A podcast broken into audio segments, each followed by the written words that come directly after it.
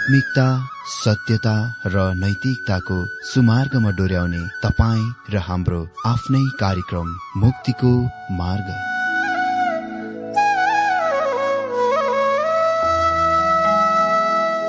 आदरणीय श्रोता यस मुक्तिको मार्ग कार्यक्रममा हार्दिक स्वागत छ।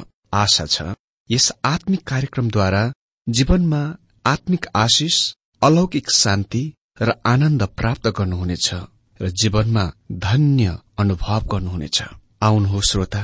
मन र आत्माको तयारीको लागि यो मिठो अनि मधुर भजन गीत सुनौ।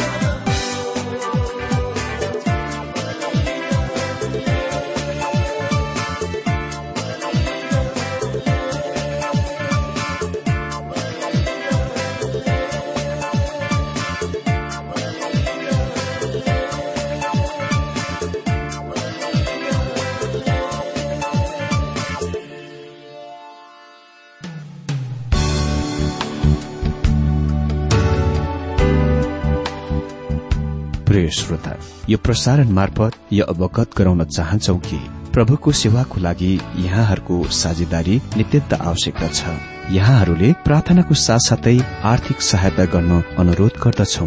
तपाईँहरूको सानो भन्दा सानो भेटी किन नहोस्? हामी प्रभुको नाममा स्वीकार गर्नेछौ। प्रभुको सेवाको लागि। तपाईँहरूको यो सानो लगानीले कसैको जीवनमा भिन्नता ल्याउँछ? अनि प्रभुको महिमा हुन्छ। प्रभु तपाईँहरूलाई महान गरी आशिष दिनुहुनेछ। इच्छुक श्रोताहरूले तपाईँहरूको इच्छा भेटी हाम्रो ठेगानामा पठाउन सक्नुहुन्छ जुन ठेगाना हामी कार्यक्रमको अन्तमा दिनेछौ। प्रिय श्रोता मित्र प्रभु येशु ख्रिस्टको मधुर अनि सामर्थ्य नाममा मेरो जयमसी तथा हार्दिक स्वागत छ आजको यो बाइबल अध्ययन कार्यक्रममा। मित्र आज हबकुकदेखिको हाम्रो बाइबल अध्ययन अन्तिम हो। मलाई आशा छ तपाईँहरूले यस पुस्तकको बाइबल अध्ययनबाट धेरै धेरै आत्मिक आशिषहरू प्राप्त गर्नुभयो। श्रोता परमेश्वरको कार्यक्रम विषय अन्तर्गत आज हामी हबकुक तीन अध्यय सातदेखि उन्नाइस पदबाट बाइबल अध्ययन गर्न गइरहेका छौं।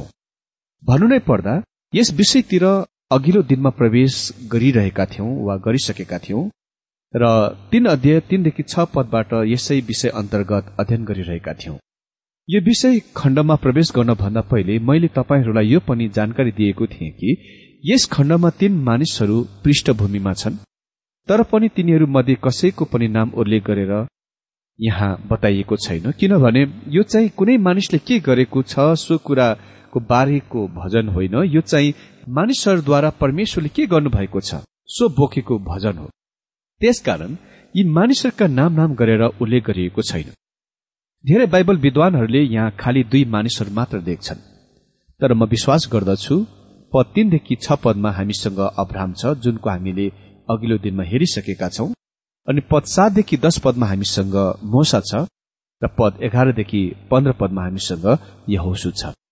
तर उही समयमा त्यहाँ धेरै छन् जो विचार गर्दछन् कि पद तीनदेखि दश पदमा खालि एकजनाको मात्र उल्लेख गरिएको छ।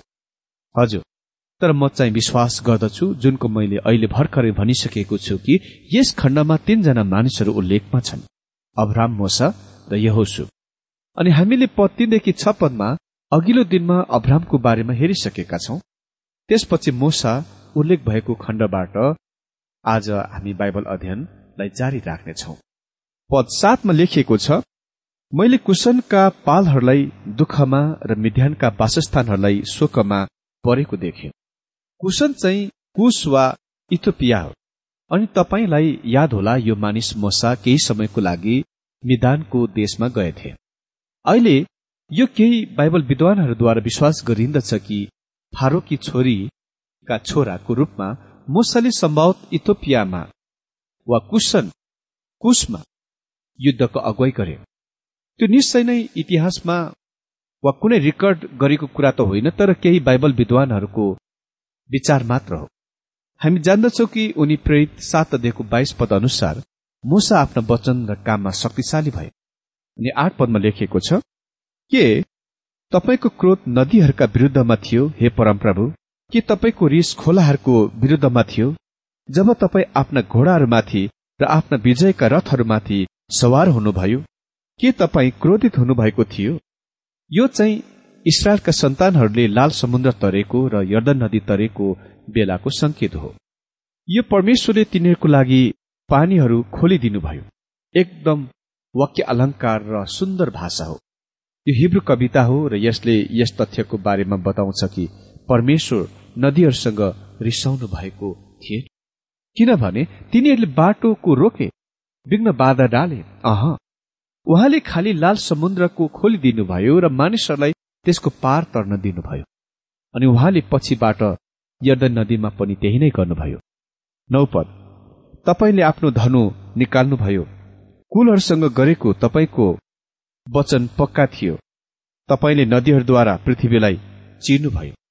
मित्र यहाँ लेखिएको छ तपाईँले आफ्नो धनु निकाल्नुभयो। कुलहरूसँग गरेको शपथ तपाईँको वचन पक्का थियो सेला।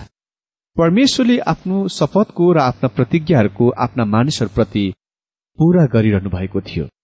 असल बनाइरहनु भएको थियो। मलाई विश्वास गर्नुहोस् सेलाको अर्थ हो परमेश्वरले के भन्नुहुन्छ? त्यसको रोकेर हेर र सुन। भनिएको छ तपाईँले नदीहरूद्वारा पृथ्वीलाई चिर्नुभयो के तपाईँ कहिले यो सोच्नलाई रोकिनु भएको छ कि कसरी परमेश्वरी नदीहरूले यो पृथ्वीलाई चिर्नु भएको छ? ओ यो कस्तो वाक्य अलङ्कार तर बिल्कुल सही तस्विर यहाँ हामीलाई दिइएको छ। दशपद पर्वतहरू तपाईँहरूलाई देखेर मडारिए। मुसलधार पानी छेउबाट बगेर गयो। समुद्र गर्जियो र आफ्ना छाल उठायो। जब मोसा सिनै पर्वतको चुचुरामा टाकुरामा व्यवस्थाको प्राप्त गर्न गए पर्वतहरू बढाए। कापे र इसरायलका सन्तानहरू यति धेरै डराए कि तिनीहरू यसको नजिक आउन चाहँदैनथे। तिनीहरू चाहँदैनथे कि परमेश्वर तिनीहरूसँग बोल्नु भएको तिनीहरू बिल्कुलै पूर्ण रूपमा डराएका थिए। यी पदहरू चाहिँ कसरी मोसाद्वारा परमेश्वरले इसरायलका सन्तानहरूलाई छुटकारा दिनुभयो त्यसको तस्विर हो। सर्वप्रथम परमेश्वरले अब्राहमसँग करार बनाउनुभयो र उहाँले यसको पूरा गर्नुभयो असल बनाउनुभयो। त्यसपछि परमेश्वरले मोसासँग करार बनाउनुभयो कि उहाँले इसरायलका सन्तानहरूलाई मिश्रको मुलुकबाट बाहिर निकाली ल्याउनु हुने थियो। उहाँले त्यस करारको पनि पूरा गर्नुभयो असल बनाउनुभयो र उहाँले तिनीहरूलाई छुटकारा दिनुभयो जस्तो कि उहाँले गर्नेछु भनी भन्नुभएको थियो। पद एघारमा हामी यहोसुतिर आउँछौ। म सोच्दछु कि यो बिल्कुल स्पष्ट छ कि यहोसु यस पृष्ठभूमिमा यहाँ छन्? तर जस्तो कि मैले पहिले भनेथे यी मानिसहरूका नाम उल्लेख गरिएका छैनन् किनभने मुख्य जोड चाहिँ परमेश्वरको क्रियाहरूमा थियो एघार पदमा लेखिएको छ तपाईँका ओडिरहेका काँडहरूको चमकले र तपाईँको चमकको चम्कने भालाको चमकले गर्दा सूर्य र चन्द्र आकाशमा टक्क अडिए।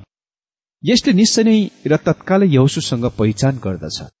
तपाईँका उडिरहेका काँडाहरूको चमकले र तपाईँको चम्कने भालाहरूको चमकले गर्दा अर्को शब्दमा सूर्यको चमक चाहिँ चम्किलो भाला जस्तै थियो। अनि बाह्र पदमा लेखिएको छ क्रोधमा तपाईँ त्यस मुलुकमा हिँड्नुभयो। रिसमा तपाईँले जाति जातिहरूलाई दाई गर्नुभयो। जब परमेश्वरले आफ्ना जनहरू आफ्ना जनहरूलाई त्यस मुलुकमा राख्नुभयो। उहाँले तिनीहरूलाई त्यहाँ राख्नुभयो र अमोरीहरूलाई तिनीहरूका जीवनहरूमा पापको कारण हटाउनुभयो। धपाउनुभयो त्यहाँबाट। अमोरीहरू त्यस खण्डको भागको ओगट्ने जुनमा यरियो स्थित थियो। ती अमोरीहरू ती अमोरीहरू संक्रामित यौन रोगले खाइएका थिए। पूर्ण रूपले नष्ट गरिएका थिए। परमेश्वरले तिनीहरूलाई त्यस मुलुकबाट हटाउनुभयो किनभने तिनीहरूले सम्पूर्ण मानव परिवार वा जातिहरूलाई त्यस संक्रामित रोग सार्ने थिए। यो लगभग त्यस दिनमा तिनीहरू बीच महामारी थियो। अनि तेह्र पद आफ्नो प्रजाको उद्धारको लागि आफ्नो अभिषेक जनलाई बचाउनको निम्ति तपाईँ निस्कर्नुभयो दुष्टताको देशको नेतालाई तपाईँले धुलो पिठो पार्नुभयो। त्यसलाई टाउकोदेखि समय नाङ्गो पार्नुभयो सेला। हजुर। यस कथन आफ्ना अभिषेक जनले चाहिँ इसरायलको संकेत गरेको हो या मसियाको संकेत गरेको हो भन्ने कुरामा प्रश्न भएको छ वा प्रश्न खड़ा गरेको छ? व्यक्तिगत रूपले म सोच्दछु कि यसको अर्थ चाहिँ यहाँ मसिहाको संकेत हो। आफ्ना प्रजाको उद्धारको लागि आफ्ना अभिषेक जनलाई बचाउनको निम्ति तपाईँ निस्कन्नुभयो मित्र प्रभु येशु कृष्ण उद्धारकर्ता साथै अभिषिक्त जन मसिहा हुनुहुन्छ। दुष्टताको देशको नेतालाई तपाईँले धुलो पिठो पार्नुभयो त्यसलाई टाउकोदेखि खुट्टैसम्म नाङ्गो पार्नुभयो सेला। जब यहाँ अभिषेक जनको उल्लेख गरिएको छ संगीत चाहिँ उच्च चरम आवाजमा पुग्दछ। यो चाहिँ उद्धारको लागि परमेश्वरलाई महान स्तुति प्रशंसा हो जुन उहाँले यी मानिसहरूको लागि गर्नुभयो। उहाँले तिनीहरूलाई मोसाको नेतृत्व अन्तर्गत मिश्रबाट छुटकारा दिनुभयो र उहाँले त्यस मुलुकमा यहोसुको नेतृत्व मुनि तिनीहरूलाई ल्याउनुभयो तर त्यहाँ सबै परमेश्वरका कामहरू क्रियाहरू थिए।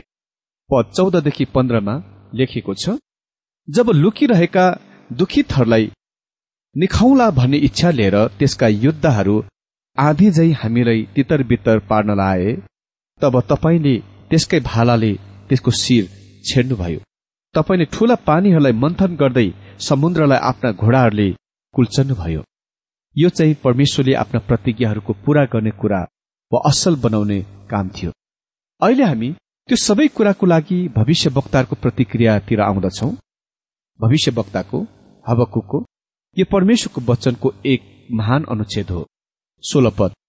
मैले सुनेर मेरो मुटु काम्न लाग्यो।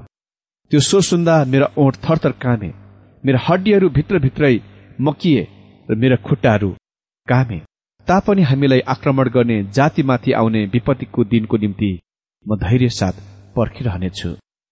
मित्र यो पुस्तकको अन्तमा अहिले हबको उसको आफ्नै व्यक्तिगत अनुभवको हामीलाई दिन्छन्। हामीले देखिसकेका छौं कि उसले यो पुस्तक आफ्नै व्यक्तिगत अनुभवसँग खोलेथे आरम्भ गरेथे। अहिले यो सबै कुराको लागि आफ्नै शारीरिक अनुभवको हामीलाई बताउँछन्। तपाईँले कहिले त्यस प्रकारको आफ्नो मुटु काँपेको अनुभव पाउनु भएको छ? जब कुनै संकष्टले तपाईँलाई सामना गर्यो वा तपाईँ त्यस्तो स्थानमा आउनुभयो जहाँ त्यहाँ अति नै महान आपतकालीन थियो? यो हबकुको अनुभव थियो। उसले भन्छन् जब मैले सुने मेरा मुटु काम्न थाल्यो मेरा ओठ थरथर काँपे। के तपाईँ त्यति धेरै डराउनु भएको छ?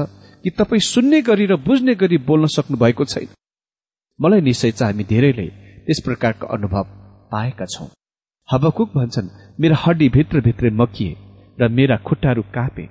यसको मतलब उनी सिधै ठिङ्ग उभिन सकेनन्। उसले उभर्नको निम्ति कुनै कुरामा आड लिनु पर्दथ्यो पकड्नु पर्दथ्यो। मित्र हबकुकले देखे कि परमेश्वर दण्डमा चाल चल्न गइरहनु भएको थियो र उसले जान्दथे कि त्यो अति नै कठिन र कठोर समय हुन गइरहेको थियो। अनि सत्र पदमा लेखिएको छ चाहे अन्जिरका रुखहरू मुनि रुखमा मुन नलागोस् चाहे अन्जिरका रुखमा मुन नलागोस् र दाको बोटमा फल नफलोस् चाहे जैतुन रुखमा फल नलागोस् र खेतले अन्न नउब्जाओस् खोरमा भेडा बाख्रा नभए पनि र गोठमा गाई वस्तुहरू रहेनन् भने पनि। हेर्नुहोस् यहाँ। हबकुक भन्छन् रुखहरूमा कुनै फलहरू हुने छैनन् त्यहाँ कुनै अन्जिर नेभाराहरू अङ्गुरहरू हुने छैनन् पशुधन चौपैयाहरू खत्तम हुनेछन् यो सबै परमेश्वरको दण्डको एक भाग हुनेछ। त्यसपछि हामी देख्नेछौ भविष्य वक्ताको अवस्था वा स्थिति। कुनै हालतमा आइरहेको दण्डको बावजुद हबकुकले यो भन्न योग्य भए। अठार र उन्नाइस पद। म परमप्रभुमा रमाट गर्नेछु। म मेरो उद्धार गर्नुहुने परमेश्वरमा रमाउनेछु। परमप्रभु परमेश्वर मेरो बल हुनुहुन्छ। उहाँले मेरा खुट्टा हरिणका खुट्टा जय पार्नुहुन्छ। उहाँले मलाई अग्ला अग्ला स्थानहरूमा जाने योग्यको तुल्याउनुहुन्छ। संगीत निर्देशकको निम्ति मेरा तार वाद्यहरूमा बजाइने राग मित्र परमेश्वर हाम्रा बल र हाम्रा हर्ष हुनुहुन्छ। परमेश्वरले हामी रहेका यी दिनहरूमा शान्ति र समृद्धताको प्रतिज्ञा गर्नुभएको छैन। आज अति नै धेरै कुराहरूको हामीलाई प्रतिज्ञा गरिएका कुराहरूको सुन्छौ। मित्र म त्यस्तो पत्र पत्रिकाको कति पनि वास्ता गरिन पर्दिन जुन क्रिस्चियन संघ संस्था भनाउँदा संस्थाहरूबाट आएको थिए जुनले ती सबै कुराको बारेमा भन्दथ्यो जुन तपाईँ प्रार्थनाद्वारा पाउन सक्नुहुन्छ भनेर। त्यो पत्रिकाले प्रतिज्ञा गरेको थियो। परमेश्वरले तपाईँलाई सम्पन्न समृद्ध बनाउनेछ। उहाँले तपाईँलाई स्वास्थ्य दिनेछ र उहाँले तपाईँ हरेक कुरा तपाईँलाई दिनेछ। मेरो मित्र परमेश्वर महिमित शान्त क्लज हुनुहुन्न। तर हाम्रा परमेश्वर अति नै निश्चित तरिकामा अगाडि बढिरहनु भएको छ। यदि तपाईँ आफ्ना समस्याको उत्तर पाउन चाहनुहुन्छ भने हबकुकले यहाँ तपाईँलाई उत्तर दिन्छन्। त्यो उत्तर खालि यो मात्र हो।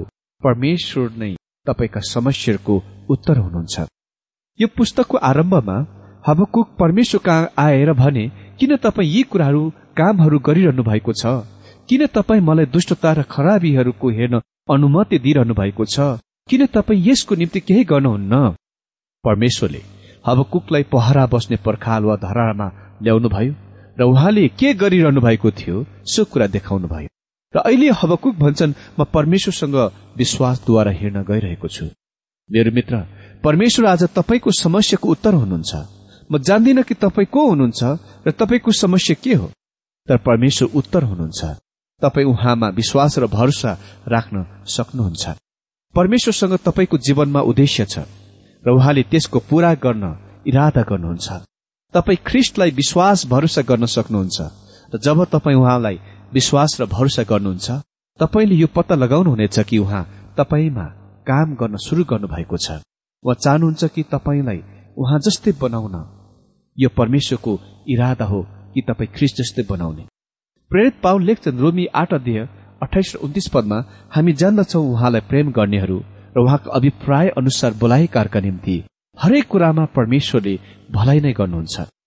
ज जसलाई उहाँले पहिलेबाटै चिन्नु भएको छ उहाँले तिनीहरूलाई आफ्ना पुत्रको रूप समान बनाउनलाई धेरै भाइहरूमध्ये उहाँ चाहिँ ज्येष्ठ हुन् भनेर अघिबाटै नियुक्त गर्नुभयो।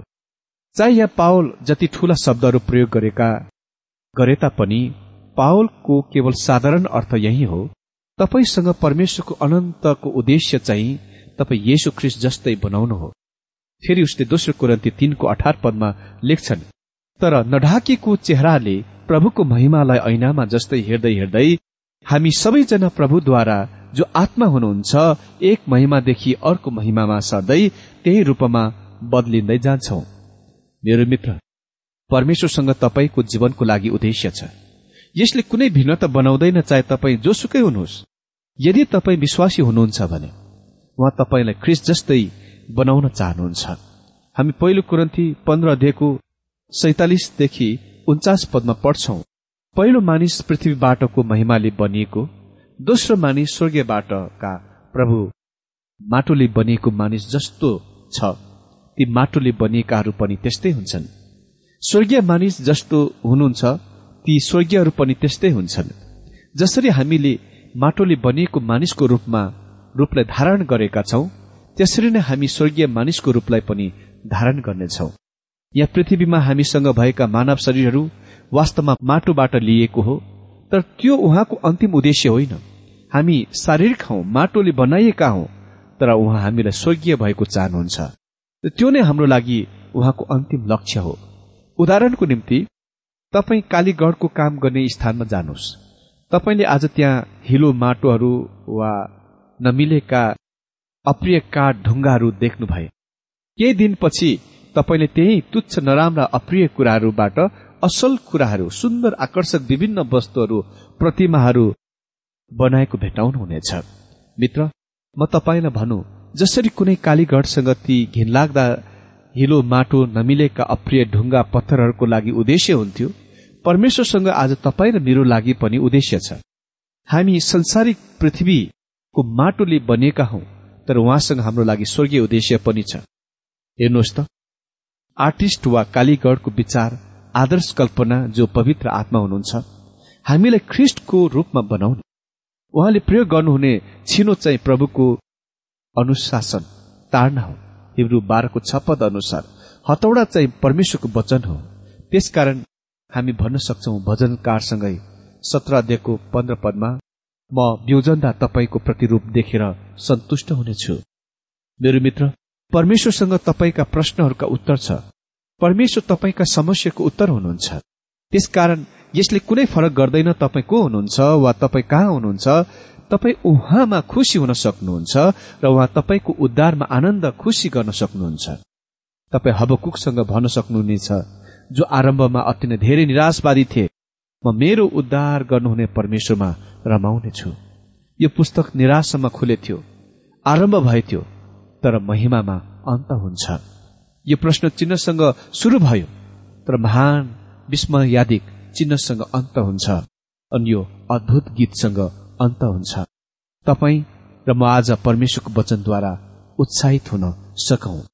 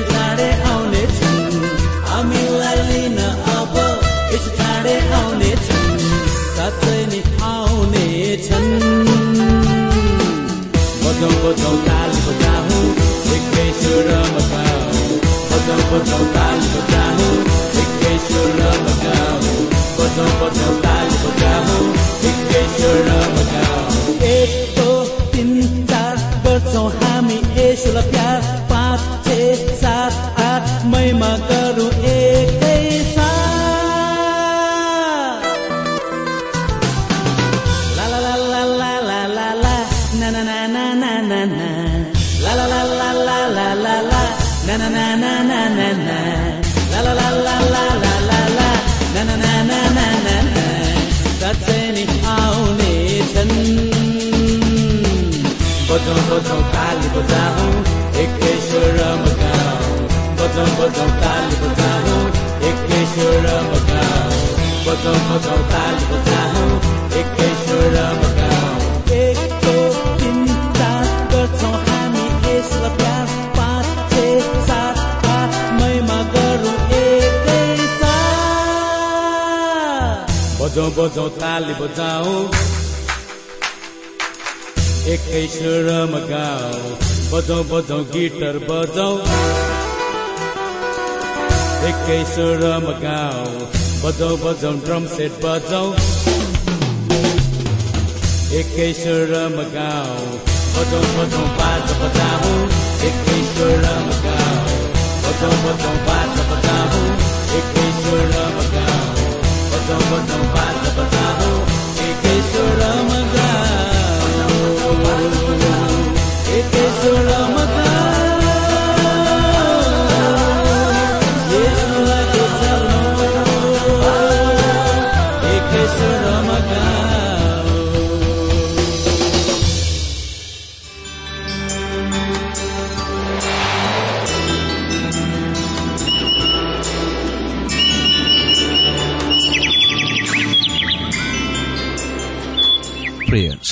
अहिले भर्खरै तपाईँले टीडब्ल्यूआर नेपालद्वारा सञ्चालित आत्मिक कार्यक्रम मुक्तिको मार्ग सुनिरहनु भएको थियो। श्रोता आजको यो कार्यक्रम सुनेर तपाईँलाई कस्तो लाग्यो? यदि यो कार्यक्रम सुनेर मनमा कुनै खुल्दुली वा कुनै प्रतिक्रिया अर्थात सुझावहरू छन् भने हामीलाई पत्रद्वारा लेख्न सक्नुहुनेछ। हामी हृदयदेखि नै स्वागत गर्नेछौ स्वीकार गर्नेछौ साथै बाइबल सम्बन्धित प्रचारहरू कार्यक्रम सारणीहरू हामी अनुरोधमा पठाउन सक्छौ। अनि तपाईँसँग कुनै प्रार्थनाको विषय छन् भने हामीले तपाईँको लागि प्रार्थना गरेको चाहनुहुन्छ भने प्रभुमा आफ्नै परिवार सम्झेर हामीलाई पत्रमा लेख्न सक्नुहुनेछ। तपाईँको लागि हामी प्रभु येशुसँग प्रार्थना गर्नेछौ। अधिक जानकारी र पत्रचारको लागि हाम्रो ठेगाना यस प्रकार छ।